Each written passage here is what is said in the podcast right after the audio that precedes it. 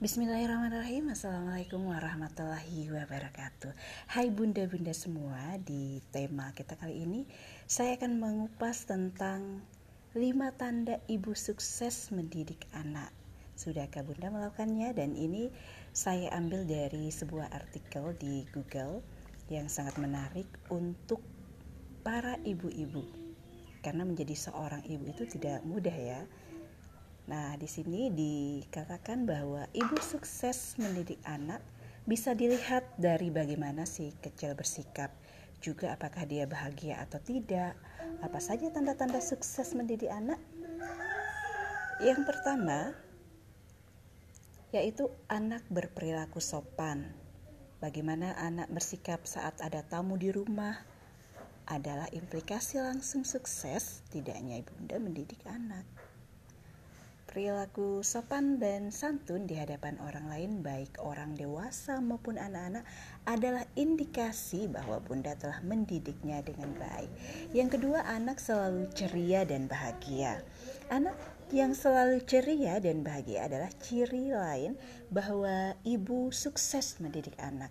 Karena anak yang bahagia tentu saja prestasinya lebih baik dibandingkan anak yang tidak bahagia.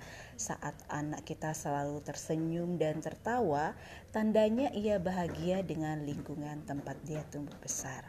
Anak yang bahagia juga tentu membuat bunda bahagia, ya kan? Yang ketiga, anak tak sena, anak tak segan berbagi. Mengajarkan anak kita untuk mau berbagi bisa jadi hal yang susah dilakukan. Namun bila ibu-ibu selalu mendorong anak untuk mau berbagi dan tidak egois, pastinya lama-kelamaan si kecil juga akan paham makna berbagi. Tidak hanya berbagi pada saudaranya di rumah, tapi juga dengan orang lain seperti teman di sekolah atau di tempat bermain. Ibu sukses mendidik anak jika si kecil bisa mengurangi sikap egoisnya dan mau berbagi dengan orang lain. Hal ini juga akan memberi manfaat besar pada masa depan si kecil. Yang keempat, ibu adalah sahabat terdekat anak.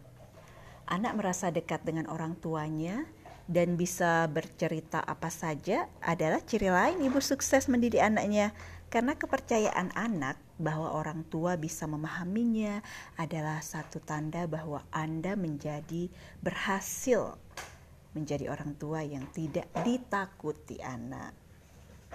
Dengan menjadikan orang tua sahabatnya, anak tidak ragu bercerita apa pun padanya, termasuk saat dia mengalami hal yang tidak mengenakkan di rumah. Hal ini membuat ibu atau orang tua lebih mudah mengatasi hal yang berpotensi bahaya untuk anak. Tapi tentu tentu saja Bunda harus bersabar mendengar ocehan si kecil yang tiada henti.